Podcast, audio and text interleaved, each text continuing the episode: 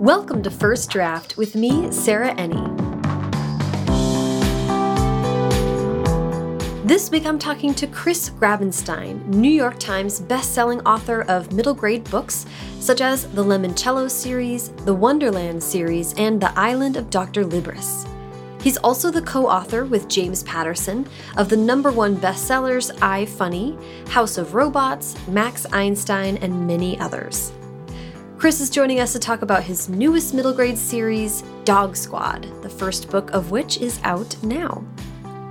I so loved what Chris had to say about what he learned from writing from James Patterson, first in advertising and now as a New York Times bestselling co writing team how his improv background helped him write ads and then books, and his secrets to excellent school visits, which is just like really great information. If you'd like to support First Draft, a quick and easy way to do that is by subscribing to the podcast wherever you're listening now and leaving a rating and review on Apple Podcasts. You can also go to the website, firstdraftpod.com, to check out the show notes for this episode and every episode, which has links to everything that the guest and I talk about. First Draft is an affiliate of bookshop.org, so when you buy books through the links on the website, it helps to support the show and independent bookstores at no additional cost to you. To never miss an episode and hear about news and events featuring First Draft and me, Sarah Enni, be sure to sign up for the free monthly newsletter at firstdraftpod.com. Okay, now, please sit back, relax, and enjoy my conversation with Chris Grabenstein. So, hi, Chris. How are you doing this morning? It's great. I'm doing good. It's great to be with you. Thanks for oh. inviting me on your podcast. I'm so excited to chat this morning. I uh, don't talk to enough middle grade writers, so and middle grade and, and kind of younger. I think you you skew. So I'm really interested in hearing about how you got into it and what you like about that um, age group. But first, I want to go all the way back to the beginning. I'd love to hear about where you were born and raised. Uh, I was born in Buffalo, New York, and my dad worked for a company called DuPont that uh, said, eh, We're not doing so good here in Buffalo. We're shipping you to Tennessee. So when I was 10 years old, I got moved to Tennessee. I grew up in Chattanooga, Tennessee, and learned how to talk like this. but, but no, it's funny because I came from Buffalo, New York, where we all talk like this. They all Y'all talk funny up north, don't you? So my formative years were spent in uh, a little town called Signal Mountain, Tennessee, which is outside of Chattanooga, Tennessee. And that's really where I first started writing. I wrote an essay contest when I was in the fifth grade, and that the Lions Club sponsored. I won first prize. And then in seventh grade, I had an English teacher who liked to laugh. And I liked, I used to read like Art Buchwald funny columns in the newspaper. And I said, why do we have to write boring stuff when we do homework? Can I write funny things like those funny newspaper columns? And this teacher loved what I did. And she's the one who wrote in the margins of one of my papers, You will make your living as a writer someday. So by the next year, when I was in eighth grade and had to write that What Do You Want to Be When You Grow Up essay, I had decided when you're, well, like 13, 12, 13, that I wanted to be a writer or a comedian when I grew up.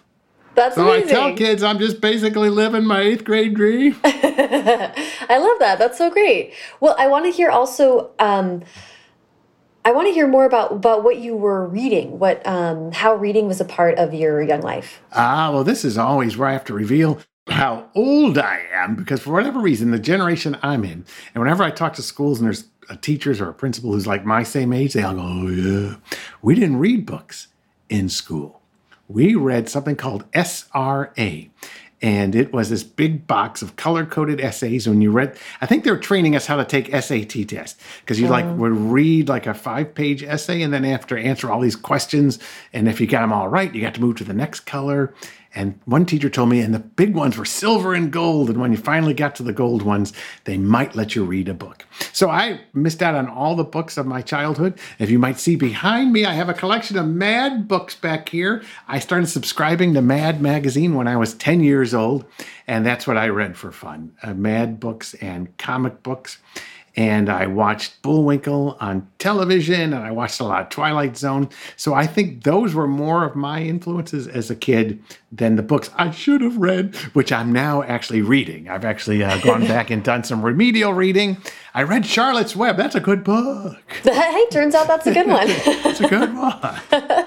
you also mentioned you were reading like humor articles in the newspaper. Is that was that? My that parents were big. More they. Uh, I, I hear a lot of people whose parents gave them books all the time. We had lots of magazines, and there was something called American Heritage, which was like a historical. It was like a hardcover magazine that came out once a month or something. So we did a lot of reading of those, and we had newspapers all the time. So we did a lot of reading. My mother always encouraged us when we were on car trips. We had to read every billboard we went past, and we read the backs of cereal boxes, which is why it's really cool. One of my books some promotion with with a cereal. They had my book on the back. I said, "You don't know how big this is to me." When I was a kid, I had to read the back of uh, so cereal cool. boxes. Yeah. I love that. Yeah. Um, so I um I want to hear like when you when you say you won this essay contest and you were starting to write um, as young as seventh or eighth grade. What kinds of things were you writing?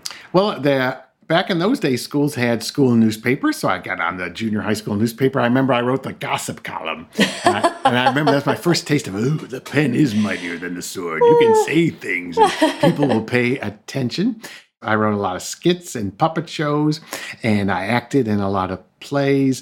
And then when I got to high school, I again we had a school newspaper. I hope they still have school newspapers. That's like a great training ground for uh, for learning how to write with a deadline, which teaches you not to have writer's block. and uh, and I wrote more skits and things, and I and I wrote a couple short stories. I did took all that, and I uh, went to college at the University of Tennessee in Knoxville, and I uh, majored in communications, which was advertising, broadcasting, journalism. I think public relations was thrown in there. But I mm-hmm. spent all my time at the theater, acting in plays. I acted in like 50 different plays, and I always played like the comic character that came on and had two scenes but could steal the show. And if it was a musical comedy, I had the one non singing part. I, was like the anvil salesman, the music man. He, he had a ah. patter rhyme he didn't have to sing because I can't sing. Nice. And so I did a lot of shows. I wrote for the school newspaper, and I wrote a. I started writing a, a bi-weekly humor column for the student newspaper, which though in college it came out every day, every morning, and had to be out by seven o'clock. So I, I, I've always been writing, and then I started writing plays because there was an experimental theater I could write plays for. And I worked in radio. I, I was a disc jockey. I thought that would be, I was like, that's the cool job. I want to be a funny morning disc jockey. and thank goodness I did it because it's the most boring job in the world. you sit in a room and you play, you get like 30 seconds to say something witty, then three minutes of music. And, and there's no Yeah. audience, there's no one reacting at all. So. So it's always been comedy, and it's always been kind of writing to fit to fit whatever medium was available. Basically, it sounds yeah, like. and I think my writing was always to entertain. So Mm-hmm. I think my writing was always uh, came from from that angle. And I was lucky enough. The University of Tennessee had a, a professional theater company, and I stayed for like two years after graduation and did all the marketing, all the all the stuff I studied in school. But I got to still act in plays, and got my Actors Equity Union card, and that's what once I had that, I had to move to New York to become an actor or a writer.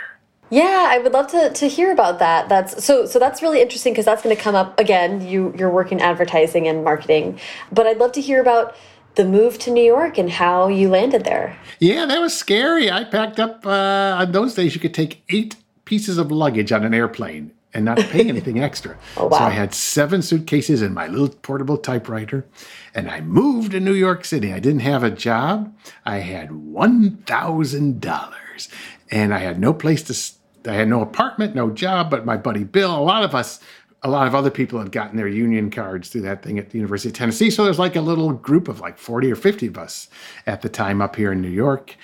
And uh, I eventually did get a job typing because in journalism school, I had to type 30 words a minute before I could take a sophomore level course. So by the time I graduated, I could do 100 words a minute. So I remember I went to the uh, temp agency. They used to have these things called temp uh, agencies where you'd be a typist or a, a Wang, a word processor. And I went in, there was like 500 women there taking the test, and I was the only guy there. And they all looked at me like, oh, look at him. He thinks he's going to become a temporary secretary.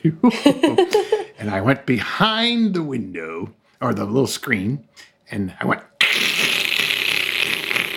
I remember it came out. I went blew at both of my fingers like they were six guns, and, and all the ladies were staring. I did 120 words a minute with two mistakes, and I got a two week temporary assignment at Citibank, which turned into a five year job. But it was like a really small uh, group at Citibank, and they let me go on auditions. And I toured with improv trauma comedy troops, and they let me go off on my tours. And that's when I started doing improv. That was uh, a showcase that you did for free every weekend, and you hope someone, some talent scout would come down and discover you, like that scene in uh, The Goodbye Girl, where Richard Dreyfuss is in that terrible basement theater. Ours was even worse of a basement theater. But we had a guy named Bruce Willis in our troupe, and he left. He did okay. Someone discovered him.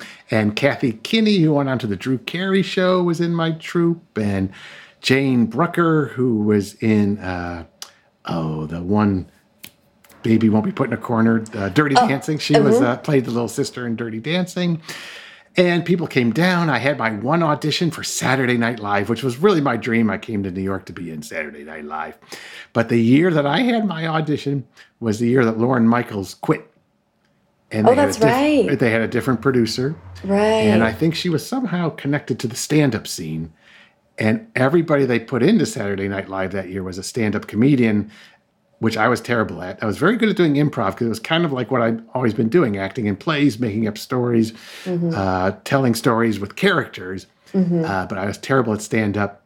And my audition consisted, I still remember this guy was twirling a red rose and said, Yes, come this way. I went to a little office, stand up and do something funny. It's like, I don't know how to do that. so I totally bombed. I was terrible. but I did get a lot of commercial auditions. And then I finally, finally, after five years of showcasing and auditioning, got cast in a commercial. It was for Federal Express. And I was the guy who walked in the sidewalk in the background. then I went back and I did that again. And then I did that again. And it's like, wow. Now I looked at the guys on the other side of the camera who reminded me of all my classes in advertising and TV production. I said, you know, those guys are never going to be famous but they get to go to work every day and come up with like a fun idea like this commercial. Maybe being an actor isn't for me. I maybe I should forget about being famous and just become one of those guys on the other side of the camera. So I started aggressively looking for a job in TV production or advertising. But I was 29 years old, which is very old for any of those careers. It's like, oh. yeah, most people get started right out of college. But I was very lucky. Uh, after thrashing around, sending my resume out, and my I finally I started including my. We got some really nice reviews. Our improv troupe, like mm-hmm. once a year, the New York Times would come and tell everybody we were geniuses, and, and we still made ten dollars a show. Uh, but I started putting some of those clippings in to my mailings, and it got to J. Walter Thompson, where they were about to launch uh, a writing aptitude test. And the lady, the uh, who was hiring the junior talent at J. Walter Thompson, was a former actress herself. So she liked seeing like these clippings. And in fact, their creative director had sent her to comedy clubs looking for comic performers because the creative director was getting tired of the people coming out of advertising school because they all kind of imitated the teacher taught them this is how you write a headline with this kind of a punny headline with a snappy visual. So they all kind of imitated. So this creative director said, find me people who are good writers and I will teach them how to do advertising. And that creative director, I'm, be, I'm doing laying on the suspense there, was James Patterson. So before he wrote books and became the best-selling author in history of authors, he wrote Burger King commercials and Toys R Us commercials. So, and he wrote uh, an aptitude test. It was entitled "Write If You Want Work," and there were seven or eight questions. And I remember the first one. You're a songwriter for Poppy Putrid, and the manager wants a love song about moldy pizza, uh, rancid butter, and stale beer. And so take the tune of an original song and make up lyrics for it. And I said, this is like doing improv on paper. So all those five years of doing improv, I sort of banged that test out in a weekend, and 2,000 people replied, and I was the first one he hired, which always sounds good until I tell you the second one who was hired was my buddy Dan Staley, who a couple years later became a co executive producer of Cheers. So he did pretty good too. There you go. yeah.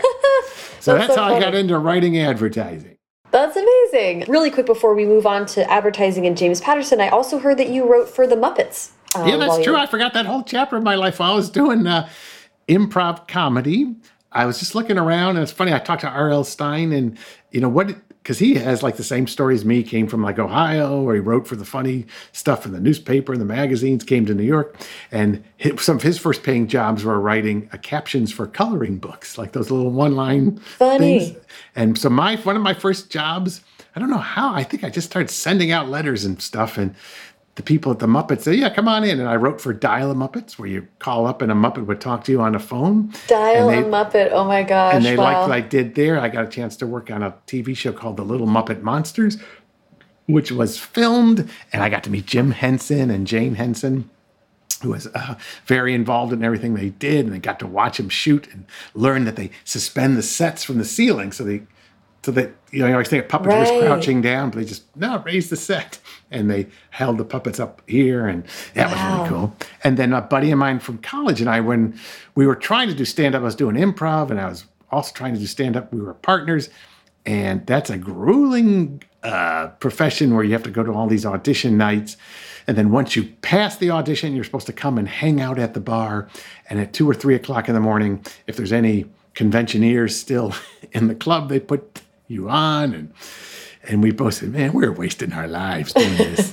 and he had an idea for a movie, so we worked instead of doing comedy, we wrote the screenplay. And I did not know at the time what a rarity this is. That the first screenplay I ever tried to write got bought, and not only did it get bought, it got produced. It also got rewritten by a Hollywood guy who tried to steal all of our credit, but we, mm. we hmm. won't get into that story mm. right hmm. now. But thank God for the Writers Guild. I, I Writers Guild arbitration. Love you guys.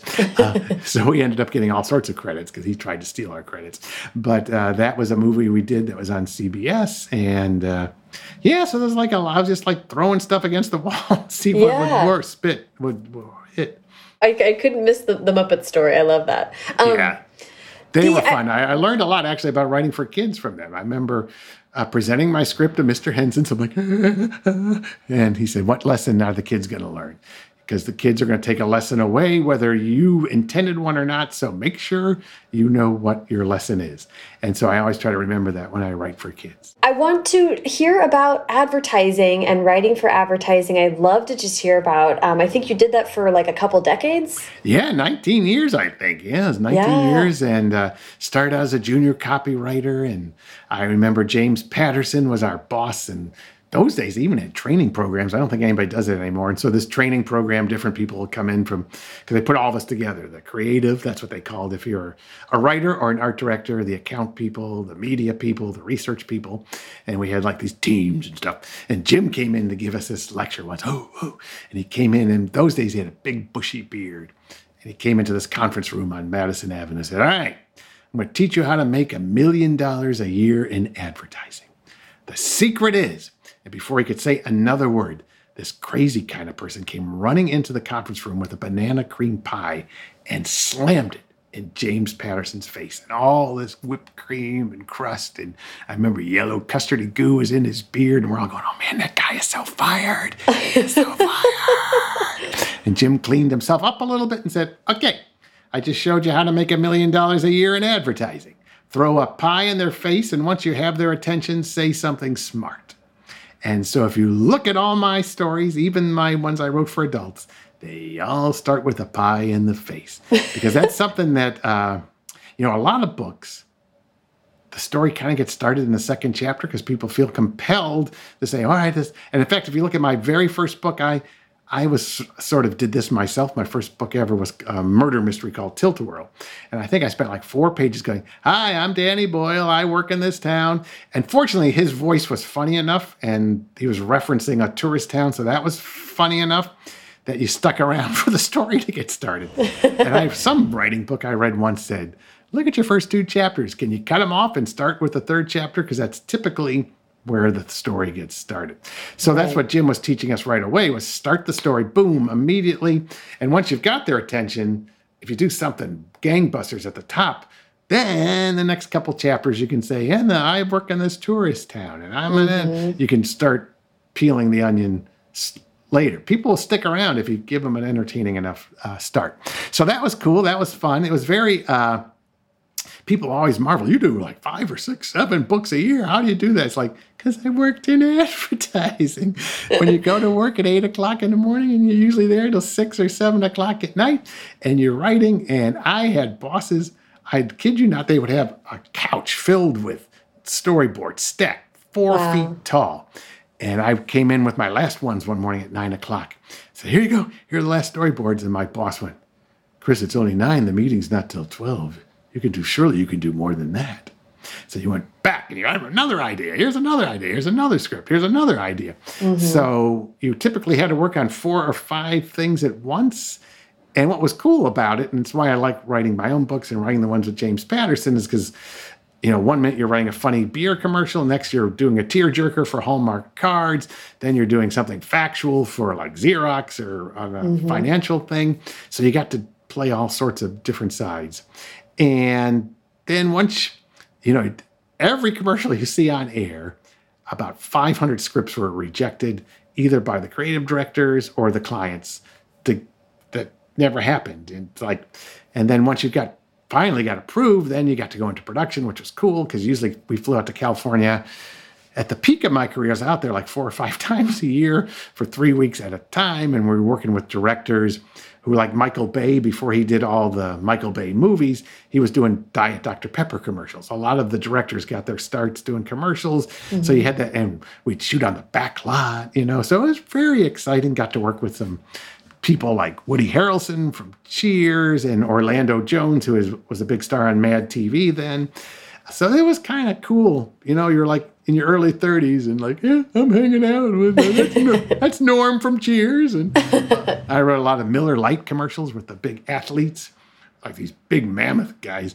Chris, was that okay? Did I read that okay? Yeah, Ortis, that was okay. That was okay. I love that. That was um, fun and also what's coming to mind as you're describing this too is is you have so you at that point had already had so much experience with keeping an audience in mind who is actually going to like laugh or engage with what you're creating but then you are now bringing in like clients and yeah. having to meet this kind of how do, how do you think that factored into your writing and having to kind of go through these gatekeepers to to get to what you really wanted, which was to I, make. I was actually pretty good at not not selling out completely. And a lot of times, it would. A lot of my friends would just quit, you know, like because you would go two rounds and say, "You know, I'm not commercial."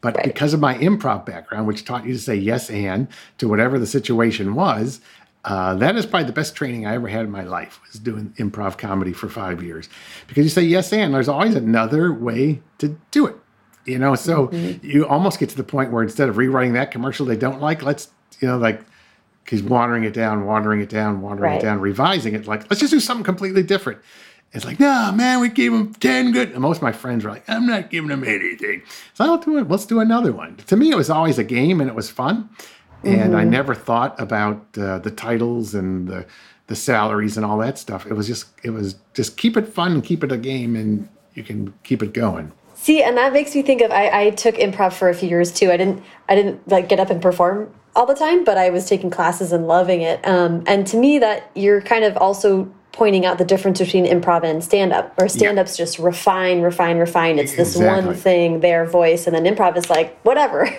Yeah, suggestion did, uh, from the audience. a whole series with Rita Rudner, who's a brilliant comedian, and boy, getting that script to where because she wanted to put in jokes that she had done because mm-hmm. uh, she actually came from a background as being a dancer who knew she wouldn't have a long career as a dancer. So she kind of taught herself how to be a comedian. And it was really, as you're saying, very refined, revise, revise, revise. These words have to be in this exact same order all the time. Mm-hmm. But I was fortunate because I was a performer. I was the, they always made me go first.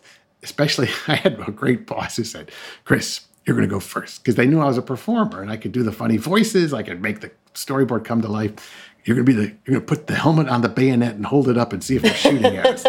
Because a lot of times these clients are like, "We're gonna fire you if you don't turn this around." You know, you can lose like an eighty million dollar account from one meeting. Wow. So yeah, the, the stress level that you see in shows about advertising. That's why. That's wild.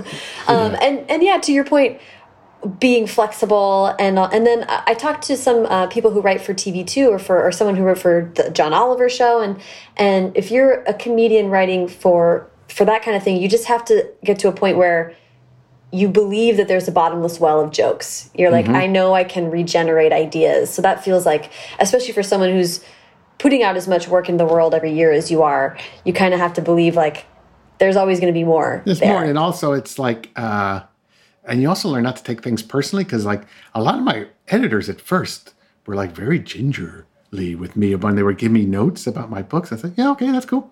Mhm. so listen, I'm used to advertising where the client first kills every script you've done, then tells you what's wrong when you're shooting the commercial, then tells you what's wrong when you're editing the commercial or mixing the commercial. And there's even when it's on the air, they tell you why it's not selling enough chicken strips or whatever.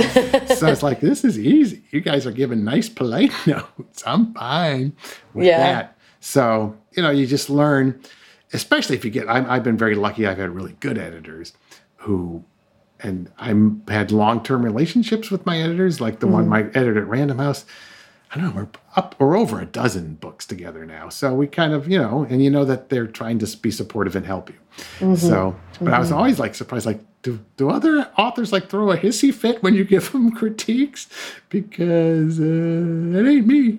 I know. I feel like that too. Sometimes editor, you talk to editors and you're like, "Who hurt you?" Some author went went really wild on you, Yeah, and you're well- like very ginger now. Well, but I met some uh, performers who were that way. You know, some we had some big name people do voiceovers or whatever, and uh, I found that people who were secure in their talent were never fussy. They were like the most easygoing people. There were people who maybe were insecure who took their insecurities out on other people. Yeah, that sounds that sounds like a universal truth right there. Yes, so.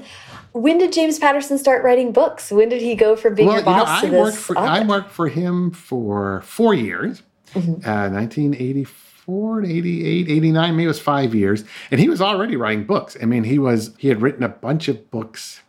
He actually, you know, he won the Edgar Award for his very first book ever. It was a mystery, and but he decided he wanted to write books that people wanted to read. He says, he said, I could have gone that artistic route, but he was writing these thrillers and things, and you'd always hear him, and that's like I think I'm a workaholic. He would be there at six o'clock in the morning. You're wow. behind his door at nine o'clock. He'd start working at adver- looking at advertising. He'd do that till seven or eight o'clock at night. Then keep writing. So he, and it wasn't until so he had I don't know for sure, maybe a dozen books before the first Alex Cross came out.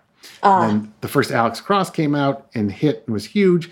I think by then he was chairman of the board of J. Walter Thompson, New York. And rumor is he said to them, "I can't afford to work here anymore." I love that. because he, you know, and then he went off and, and he took a lot of what he learned in advertising to, to promote his first books. And yeah, so I left. Unfortunately, in advertising, like a lot of creative professions, you make your name at your first place and then you win a couple of awards and then someone else offers you ten, twenty thousand dollars more and you go work for them and you win some more awards and someone else. So I worked at three different agencies. Okay. So I, I kind of said goodbye to Jim in 1988, 89. And then I really did not reconnect with him until my first book was coming out. And I said, and someone I knew knew his home address, some some place where I was taking a class or something. And I crafted this letter telling him because he really was. He was very inspirational. He meant a lot to my development as a writer, and how much it would mean for me if he were to blurb my first book. And uh, he said, "Yeah, send it to me." And he wrote me a really nice blurb. And it's really funny if you ever look at a copy of Tilt-A-Whirl, my first book. His blurb is like this big on the front. My name's like this big. I'm sure your publisher was so excited. Yeah. and then I bumped into him, and then uh, then I years later when I first started writing books for kids, his son went to the Palm Beach Day Academy, and they I do when I go to schools, I do like an improv presentation where I teach kids how to use improv for writing. And, you know, the Palm Beach Day Academy has a lot of overachiever kids in there who are who weren't loose, you know. So I thought, let's get this right. improv guy in here. And Jim's son was there in the class, Jack. And I think he went home and said, That guy Chris is pretty funny. And I bumped into Jim. They had a uh, book fair at their school that night, and he was the guest speaker. So I went because I was like the guest lecturer.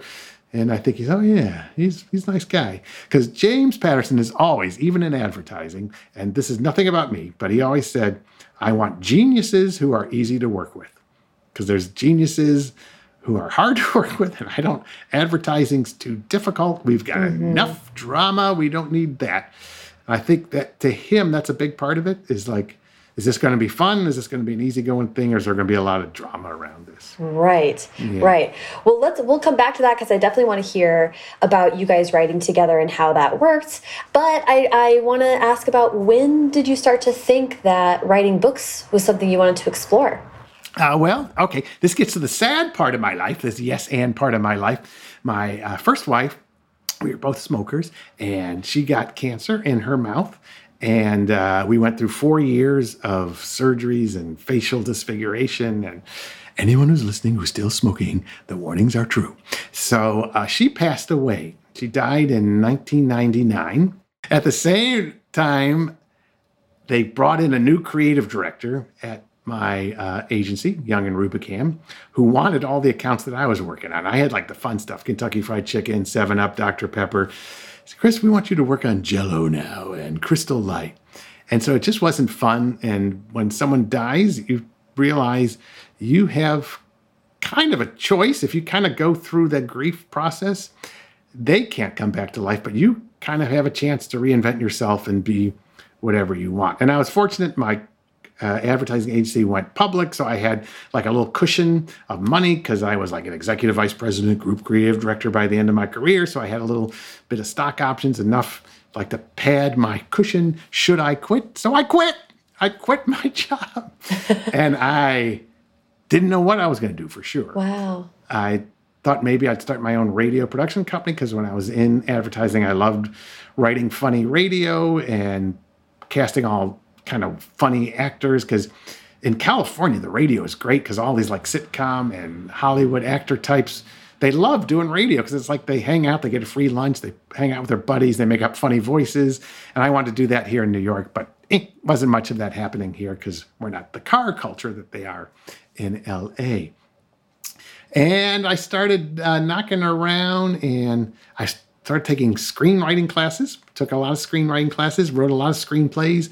I entered too many of those internet screenplay contests that are kind of fake, you know? yeah. Where everybody gets a certificate. But I was learning, you know, and I was reading my Syd Field and I was reading, mm. I went to my uh, story conference. What's who's the guy who wrote story? Oh, uh, yeah, McKee, that guy. McKee, McKee conference. Yeah. I went to the McKee thing and I started taking some seminars and stuff. And I found an agent who liked my screenplays and said, You know, I'm on the wrong coast to be a screenplay agent. Your stuff is great. I wrote like six, seven screenplays, but I'm going to start representing books. And if you ever think about writing a book, and I had just read Stephen King's book on writing, a memoir of the craft. And that was the one that said, Oh, because I don't know if you've read that book. It's a great autobiography. And then the middle part the nuts and bolts. It's really short, but it really makes you think, oh, I don't have to write 100, 200,000 words. I just have to write a thousand words a day and make sure it's level, plumb, and square and come back. So that inspired me to maybe try to write a book. And my agent loved this manuscript that I wrote. Took me about a year to write it. And he went out and he tried to sell it, and it got as high as the acquisitions committee at, uh, I guess, Warner Books, Time Warner Books back then. We got gonged. And then I wrote another one and another one. So it, it was like a four year process of writing books before my first book was sold. But I actually, I said, all right, what did James Patterson do? Because I knew him when he was writing all those books that weren't popular. You know, they were popular, but they weren't mega hits. But what did mm-hmm. he do? So I kind of analyzed what he did. I said, all right, he named them all after lines from nursery rhymes, like "Along Came a Spider," "Kiss mm-hmm. the Girls," "Roses Are Red." Okay, so I got to come up with a hook for that, and then he has a main character. So I said, "All right, I'm going to name my books after rides at amusement park. Tilt-A-Whirl, Mad Mouse, Whack-A-Mole. Yeah, yeah, okay. So, and then I need a main character. I said, all right, because I read a lot of mysteries and thrillers. Everybody's got hard-boiled detectives mm-hmm. who uh, drink too much because they they were married to the job and their wife divorced them, and then their partner got shot on one of their jobs, and now they're dark. And, and I said, okay, I'm going to do the exact opposite of that. I'm going to create uh, Sleuth, a character who is bright, sunny, cheerful. He is a Boy Scout. He and he lives his life by the strict honor code of West Point. He will not lie, cheat, or steal, nor tolerate those who do. And he comes and gets a job in a shore town. So I kind of worked backwards. I had the titles and the character, and I said this guy would be really annoying as a narrator. So I created a uh, Watson. I got a part-time cop but Danny Boyle, who's a smart aleck who only wants this job for beer money, and he thinks girls might be impressed if he's wearing a cop cap. You know? and all these shore towns in New Jersey have these auxiliary cops who work in the summer. So he's partnered with this guy Ceepak, who will not drive because of something terrible that happened in Iraq when he was an MP over there. And so it's neat. It was a, a fun series. It won an award for the best first mystery and think I did eight. I'm looking up at my shelf there. I did eight or nine in that series, and I still get mm-hmm. two angry emails a month saying, "When's the next Ceepak book coming?" Out? I love that. Because after my adult books came out, my a new agent was at a party and somebody said, Does anyone have a ghost story for middle grade readers? Anyone have a ghost story for middle grade readers? And Eric, my agent, said, uh, Well, Chris wrote a ghost story, but it's not for middle grade readers. And when the publisher said, Well, if it's any good, we can turn it into one. And so the guy read it, This is great. This is great. Get rid of all the adult situations, the adult language, uh, make the kid the star, and cut, I think it was 110,000 words, cut at least 60,000 words out of it, get it down to 50,000 words. So I did, and my agent said, Do you want to do that? And I said, Yeah, it might be fun because I have a lot of nieces and nephews. I have like 24 who could not read my adult books because of the adult language and adult situations. And I said, this would be fun. It'd be something they could finally read. I'll see. And while I did that, I found out I was really like 12 years old in my brain. All my Mad Magazine skills came back. And I wrote it and we turned it in. But that guy's boss did not want ghost stories anymore. But fortunately, oh, no. during the development of this, book. We don't have any kids. My wife and I have remarried. I met my soulmate, my love of my life. We've written a book together called Shine. But anyhow, we don't have any kids, but we have friends who have kids. So we borrowed their two kids. And they they read the book and they gave us notes and we said thank you. I think I took him to his first Yankees game, and my wife knew the Phantom of the Opera on Broadway. So we took her uh, backstage because all of her friends at school had seen Phantom of the Opera and they were like making fun of her and she'd not seen it. She not only got to see it, she got to go backstage and meet the Phantom. So that was cool.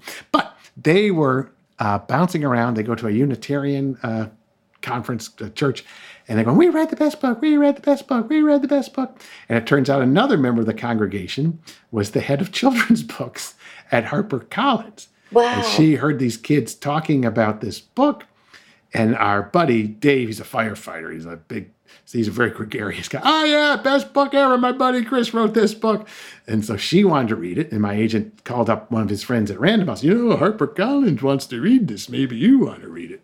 And we got a bidding war started. So that's how that third book. So never throw anything away. You know, Maybe That's amazing. Fir- maybe my first book I should have should throw away. yeah, the first ones are, are you, you, can put something in the drawer, but yeah, um, that's that so the Haunted Mysteries series, is that what you're right. talking yeah, about? The first book in that? Yep, that's what got started. The first book in that series got started from uh, one of my rejected adult books. That's amazing. Yeah. Um, and did, did everything that you've well not everything you've done but many of the things that you've done are series where you're following the same characters over several different situations beginning with the john Ceepak, those mysteries and then the haunted mysteries did you always know that you wanted to follow one character over over time, or I think when I, was, when I was getting started out, so let's see, the book came out. First book came out in 2005, so we probably sold it in what 2004. Back then, there were more publishers, and they a mystery series was a thing. You know, they mm-hmm. wanted two books. Let's talk about maybe three, and same with kids' books. These days, it's not so much a thing. It's, it's really you become a series if your first book does really well. right. You know, it's not so much at least for me, I, it's not so much. I sold a three book series today because it's a little dicey, you know. Right. You, you never you, know what's going to hit, and uh, if you're, you know, obligated to do like three or four books, it's like, oh, well, we probably should have let this one go after the first one. Right. And there's a lot like selling first book with series potential, right? Is the... right. Yeah, I think that's the. but back in the day, I'm feeling like it's only like I guess that's 16 years ago now. Right? The first book came out. Back then, it was. It's like well, it's a two book deal for two haunted mysteries, and if it goes well, we'll have an option for a third. Yeah, that's awesome. Yeah. Um, and the same with the Ceepak books were that way too. And yeah. I learned a lot about returns. This is for all your writers. Yeah, yeah. My first book came out, small publishing press that doesn't exist anymore called Carroll and Graf. And my editor, Don Weesey, called me in and said, uh, Chris, uh, when you go to Barnes and Noble, you're only going to see like two copies of your book in every store. You're not going to see big stacks of your books because we're only going to print, I think they're printed 5,000 copies. I got my $5,000 advance. Woohoo! And I bought bookmarks and things and went to conferences. The advance is the new marketing budget. And uh, so I think they printed 5,000 copies. And like, and so he tried to warn me, like, because you know, as a writer, like I'm going to go in now, and Barnes and Noble will have a table filled of all my books. But what happened was, uh, I went to one of my mystery bookstore friends and went, Congratulations, we see you're in a second printing. I didn't know how you could tell that, you know, that number in the front of the book. That's mm-hmm. where I learned about that. Like, oh, a second printing of Tilt-A-Whirl. Another one of my friends who had just started out, we both signed our $5,000 contracts at the same time. They printed 7,500 copies of her first book. She sold 5,000, I sold 5,000. My book went into a second printing. Her contract got canceled because she had 2,500 books returned. So, uh, you know, they can reprint really fast. I've right. also learned that. That it only right. takes them like a week to reprint. So don't be bummed out if it's not first printing of 20,000 because right. you really get judged by how many get shipped back. I did not know that every book at a bookstore is there on consignment, that they don't pay anything for those books. They take them, and if they don't sell them, they send them right back and uh, they get shredded. Yeah, it's really wild. And like once when you get into the weeds with that, you're like, oh, I, it makes sense. Okay, bookstores are taking a big risk by existing, but um, yeah, it's it's not the most intuitive system. no, and if they take a bigger gamble on the socks and stuff that they all that merchandise, they have to do like a regular store. They got to pay wholesale and yeah. take the loss themselves if they don't sell it. Yeah, yeah. yeah. Um, that's so interesting. I love. Yeah. yeah. Um, I'm interested in, and we'll we'll get more into to your other series as well. But what did you like about writing for kids? Did, was that instantly you were like, "This is this is it," or it kind of was? Yeah. My wife always says, "This is what you were meant to do," because I'm like a big ten year old, twelve year old kid in my head. You get to be a little more silly. You get to use more of your imagination. And there are a lot of kids who are like I was when I was a kid. I was a reluctant reader. I still am today. You give me a boring book. If you don't throw that pie in my face in that first chapter, I'm not going to read much more than the first six pages of a book.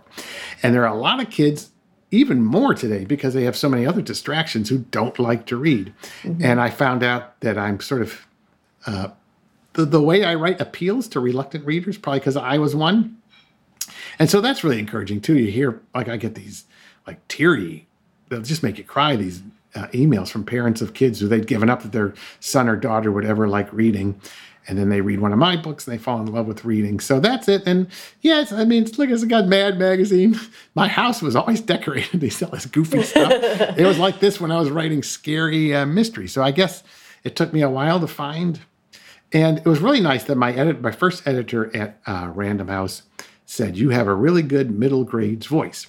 Mm-hmm. And that's the hardest thing for us to find. There are lots of people who write picture books.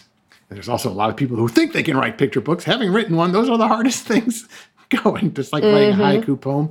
And there's mm-hmm. a lot of people who write YA, you know, that kind of dark dystopian stuff, but that that I guess now it's almost like I write upper elementary. I think middle grade has almost been subdivided into upper elementary than older middle grade. So mine, yeah. I'm really more third, fourth, fifth, sixth gradish. And so I'm very juvenile in my brain. well, it also it, it when I think of books like that too, and I love that you write series like this because I think when you do, especially get a kid who is like, oh, this new thing, like it turns out I love reading when there are these kinds of books, then you don't want it to end, right? Then you're right. the kid who's just like more, more, more. I want the next book in the series, and it's sort of endless. So, um, and yeah, anyway, that's I I just think so fondly about that time of finding like goosebumps and all that stuff Right, and being right. like amazing. yeah, you know, a lot of kids they love the uh, the the Lemoncello series, the Wonderland series. When kids read it, they love it. We never really got the audience, but it's, it's doing really well in Florida. That's this takes place it takes place in Florida, and it's all about a hotel in Florida. And kids love that, and they want to know what's going to happen next. They they Mm-hmm. love some of the I funny stuff that I did with James Patterson. Treasure Hunters. We're getting ready for the eighth book in that series. so- Wow. yeah. Amazing. I do I want to talk about the Lemoncello series really quick and then and then a little bit about co-writing and then we'll talk about Dog Squad but because I'm, I'm not going to keep you here all day I promise. Um, I have a couple specific questions about Lemoncello. Do you mind before I ask those questions um, pitching that series for us?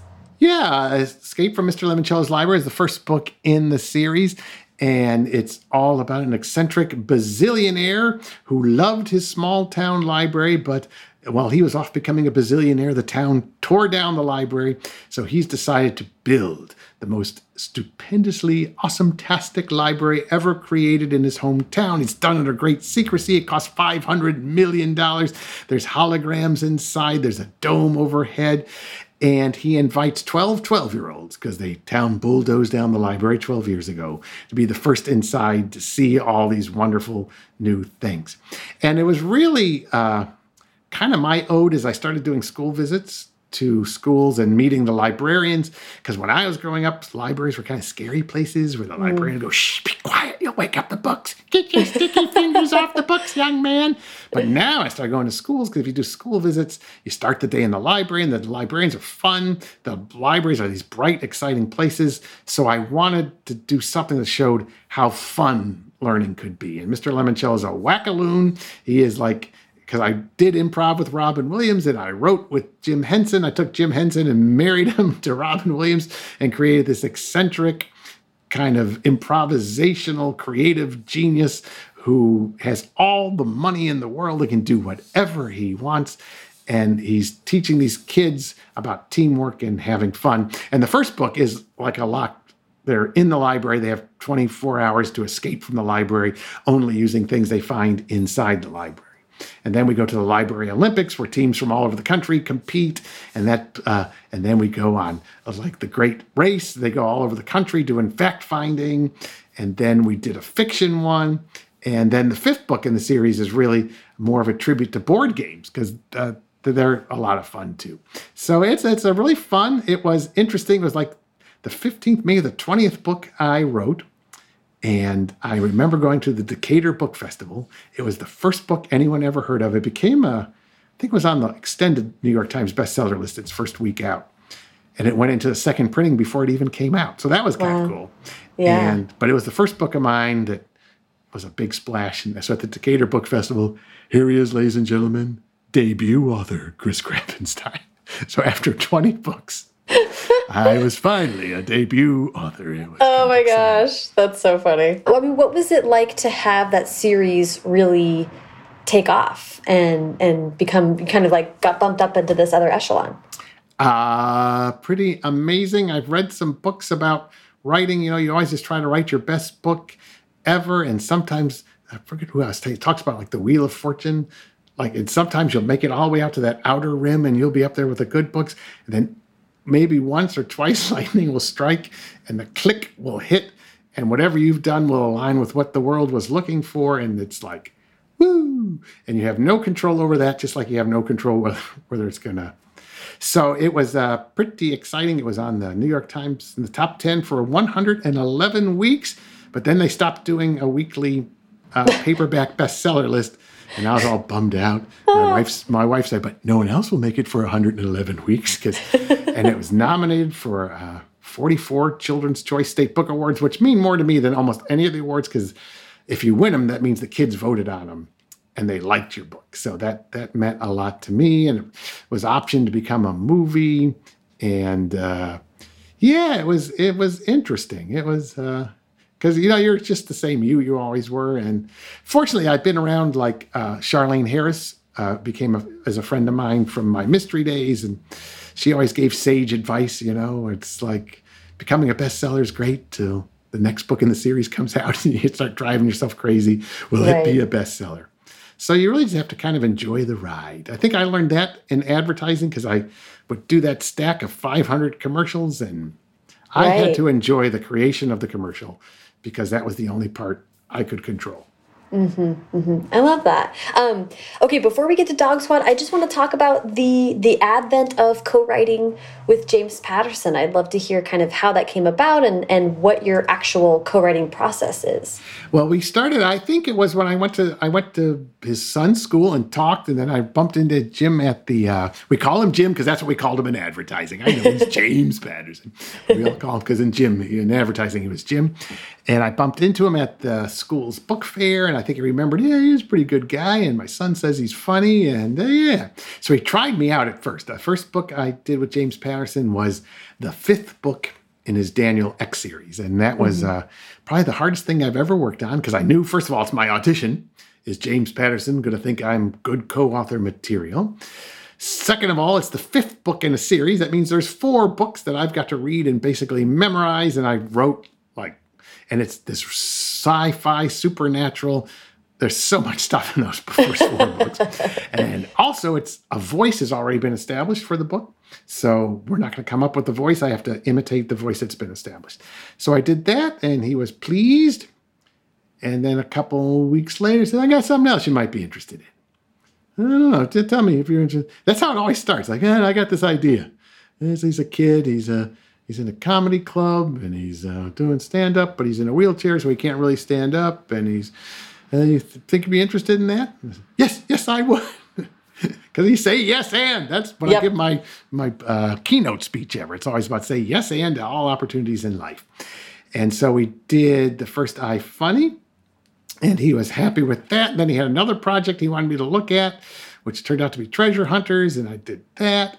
And then, boom, boom, boom, we just started. I think we've done 26 books together. Yeah, the the Max Einstein series as well. Max Um, Einstein, we've done Jackie Haha. In fact, we were just talking before I talked to you. I was talking to uh, Jim about the third Jackie Haha book. We're going to work on that.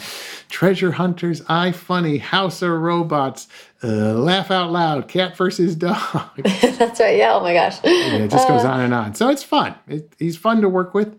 It's a much faster turnaround. Uh, I sent him some stuff about Jackie Ha on Friday. He said, "Let me think about that." He called me this morning. So you know, it's you know, with most editors, here's what I would present, and three or four weeks later, ah, yes, I've gotten around to reading that. Right. Jim's right. like, boom. Can I put you on hold for a second because he's talking about three other books with three other co-authors. Man, like you said, he's still the workaholic, huh? Yeah, yeah, he's constant. Everything he does, he's intimately involved in it. And the way we typically work is he'll do the outline. He'll do like the 30, 40 page outline where every scene, story, the characters, everything's all blocked out. Then I execute against that outline, like bring it to life in the first draft. And I do about 10,000 words a month and I send that to him. He looks at it, calls me up. The best calls are great, Chris, keep going. The worst calls are do you have a pen and a pad of paper? that means there's going to be lots of notes. And then how does it go back and forth for? So is, is it then he's editing your drafts as you kind of get them? Yeah, I, I basically work four months and I'll do the first uh, draft. He'll give me some more notes. We'll send it to his editors. They'll give me some more notes. And then he'll do the final draft. He always likes to put the finishing touches on it. I remember when uh, I Funny came out, there was a two characters named Zitz and Useless. Like, I don't remember giving them those names. Oh, Jim. oh, Jim did that. Oh, that's so funny. Um, what I mean, it's so funny that you've kind of been learning from him and all these different phases of your life. What have you learned from co-writing that you take into your own work? uh, to keep things moving. I mean, he's very much like the notes today were like, uh, just keep it moving forward. Watch out for the side stories. You know, don't don't go sideways. We don't need to go sideways. Just have a beginning and an end to every every chapter should be a scene and keep them tight and keep them moving. So you mm-hmm. know you, and I bring that to my my own work. And also, he has a really good knack for putting the humanity and the heart in there. So we're doing a you know a series about a kid in a wheelchair telling jokes at comedy clubs, but then you find out that what put him in the wheelchair is was very tragic, and the comedy that he's developed is a coping mechanism, which you know humor often is. It's a coping mechanism, uh, a defensive mechanism, And uh, so it's like there's always like this moment where you just go, hmm? and so I try to do that in my own books too. Like as silly as a book might get, like oh, oh, ah, yes, we rallied. You know, we come come come out of that. Yeah, yeah, that, that satisfying moment that makes you got to have variety to make Yeah. it really come home, Yeah. right? Yeah. So you just said that it's about four months for a uh, project with with Jim. How uh, you write so many books, many books that come out every year. Um, what is the timeline for your own stuff?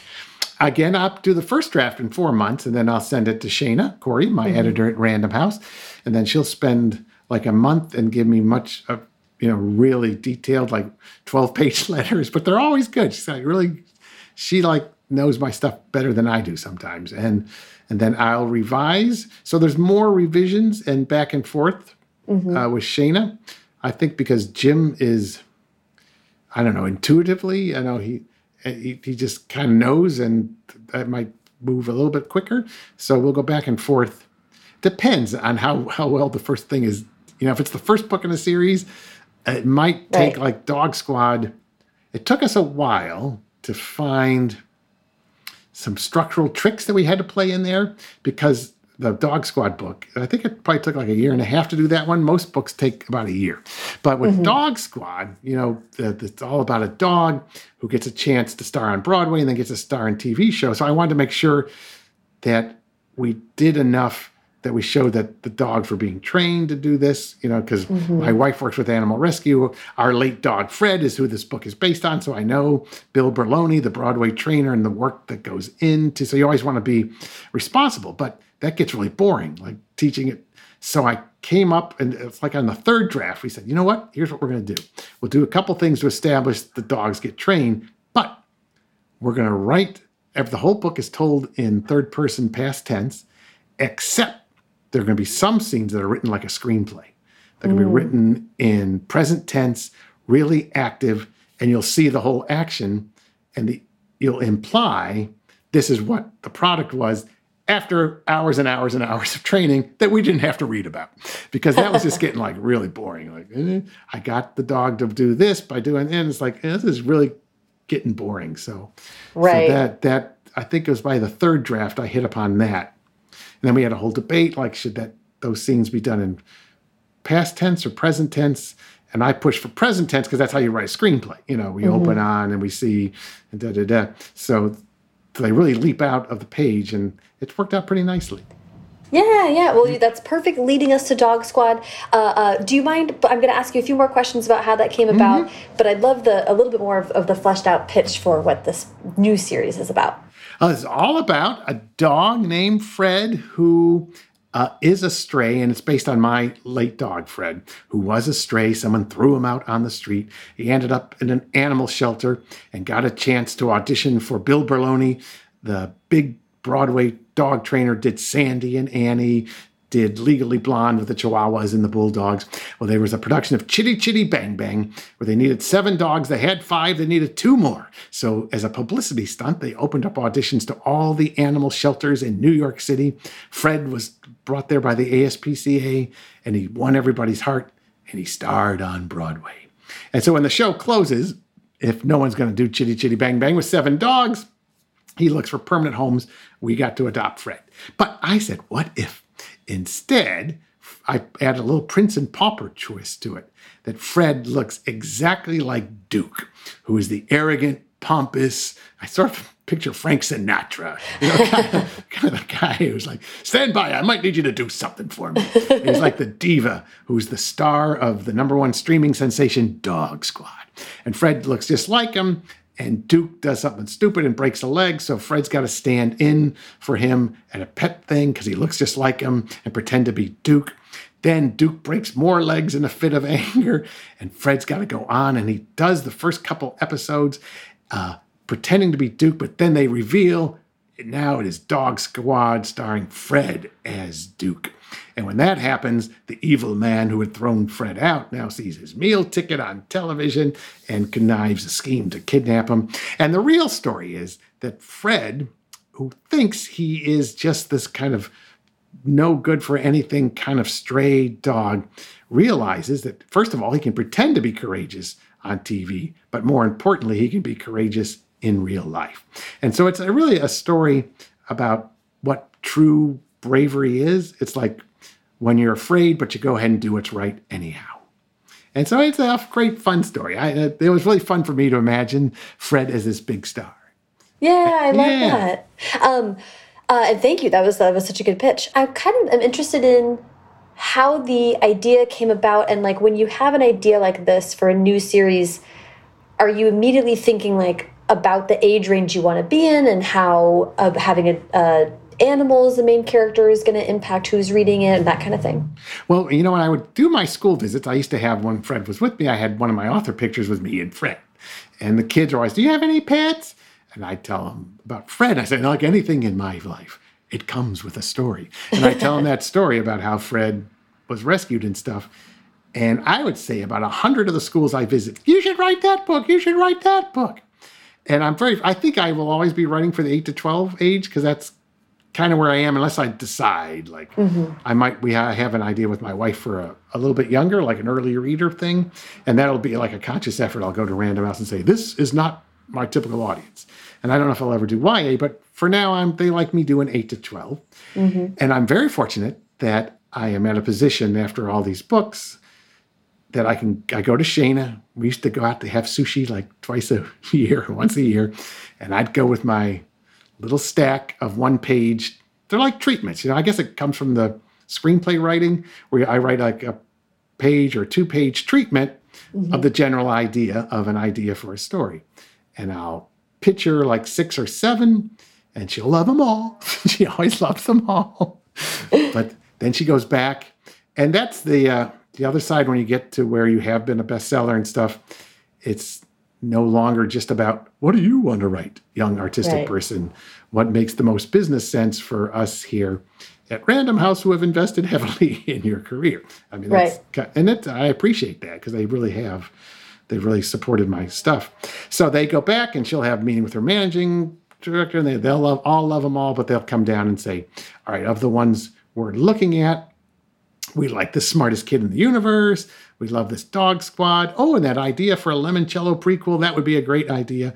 So those are the next three we're going to do. So it, it kind of comes down, but don't, don't worry about those other ones. We're going to do those someday too. I love that. Yeah. And that's, that's a good point that you've, you, have reached a point where you're really kind of part of a team. Yeah. And a yeah. lot more people are in the room when you have a like exactly. an all staff. And, and also, it's like, oh, the uh, the deadline isn't just about oh, did I make my deadline? It's like all these people are waiting to do their job based on if you complete your job. Right. So your deadline has ripple effects through this whole production world. You know, mm -hmm art, the illustrations, and all that. Especially Dog Squad, I kind of I wanted to be heavily illustrated. We got Beth Hughes to do all the pictures, and they're so good. It looks like a Disney movie when you when you look at the book. Did you get a chance to see it? I don't. I did because yeah. they don't do arcs anymore. Oh, this pandemic. There's no more I arcs. Know. It's all e things. I know. I was scrolling the NetGalley. Scrolling isn't quite the same as flipping through the book, but yeah. the pictures were so great. Aren't they good? Yeah, she did yeah. a great job. I'm get a. I'm asking her to do a picture of me for my author page. Oh, that's perfect. Yeah, yeah. Yay. Yeah. Um, I, you know, I, I'm curious. You have been, like I said, going at quite quite a pace. I want to say you're at least a book a year, probably two. I am um, two with a Random House, three with James Patterson. I've been doing like an Audible original, and I edit and I do some like essays for collections. I, I've been shocking myself. Like last year, I think I did eight, and I think this year there's going to be seven books because some of the James Patterson stuff I never know when they're going to come out. It's like, oh yeah, that one we wrote that like a year and a half ago. That's coming out. Oh, okay. So it looks like we wrote them all this year, but some there's some backlog in there. Yeah. Yeah. How do you feel about that pace? How are you? Uh, are you I, able to keep up with it? Oh yeah, I mean, it's, again, it goes back to the advertising days where this is nothing compared to what we had to do back then. But you get into issues: is it too much? Uh, is it too many Chris Grabenstein books? And you know, they can only keep so many on the shelf. So that's why I think Random House would do like five a year, but it's like, eh, well, it's kind of hard to crank up the machine for that many mm-hmm. books a mm-hmm. year. So mm-hmm. we're going to stick with two a year, I think. Yeah. The last thing I want to just ask about is school visits and actually um, interacting with kids. Not every author gets the opportunity to do that, or, or I'm going to self deprecating. I'm just thinking about myself. Not every kid, I don't know, you can't pack a high school stadium for some for some YA books. It's like not the same thing. Right. But how do you approach school visits and how do you engage with the kids in that kind of format? Uh, well, in the past, I would do about 100 or 150 a year. And early on, I'll get in trouble for this because they always say you shouldn't do this. I made a decision not to charge for not to charge an honorarium for my mm-hmm. uh, school visits. But this year I'm changing that. I'm going to charge this year. But if I do it, if we if we go back to in-person ones, but mm-hmm. I insisted that they buy books because I knew I was going to be writing a lot of books. And mm-hmm. I also knew that once kids read one of my books, they're going to run and read more of them. So mm-hmm. I approached school visits more as a marketing thing. I asked the uh, schools to pay for my travel, some lodging if I had some, and they had to buy X number of books. Sometimes mm-hmm. it was 50 if it was hardcover. I think we're up to like 200 they have to buy now.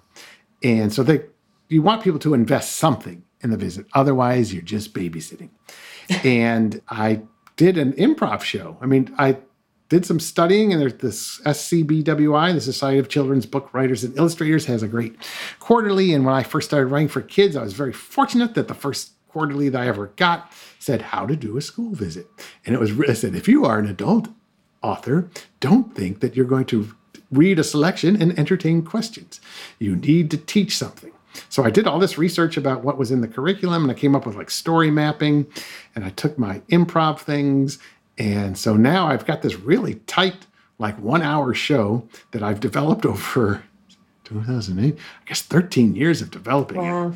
And it's, uh, so I go in, we do a little icebreaker where I show my school picture from fifth grade and say which kid was it.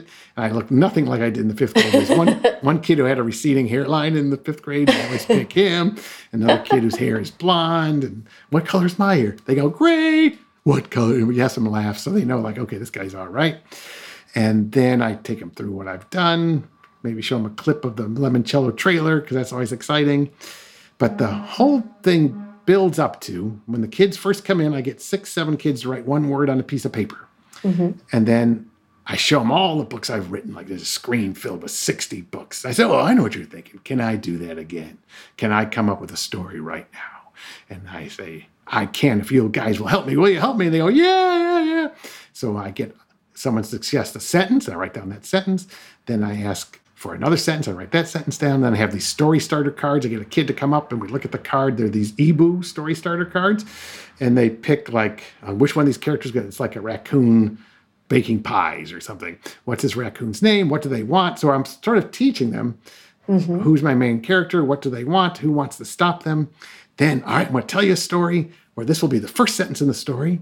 It'll be all about this character who wants this, who this person's trying to pose. And the very last sentence of my story will be this sentence down here. So next time I say that, give me a round of applause. We do a circle like this. And then I pretend like, oh, uh oh. And the kids get really quiet. What? I forgot. I haven't written anything all day today. My mind is cold. There's a chance that I might get writer's block. And does anyone know what that is? And it's amazing that third graders know what writer's block is. That is so amazing. I said, well, that's why I always like to pack those emergency words. And I have the, their cards in my back pocket. If I get to a point in my story where I don't know what to say next, I'm going to reach into my back pocket, pull out one of your words, and whatever that word is, it has to be the next word in my story. And so I'll pretend to get writer's block. I'll pull out a word and I'll say, that's when he reached for the Doritos, and, you know, and I'll keep the story going because it's really it's an old improv game. Mm-hmm. First sentence, last sentence. Where the, if you did it live with an audience, the audience every time you stop would yell out a word, and you'd pick up that word and keep going. So what I'm teaching the kids is that's how you write a first draft.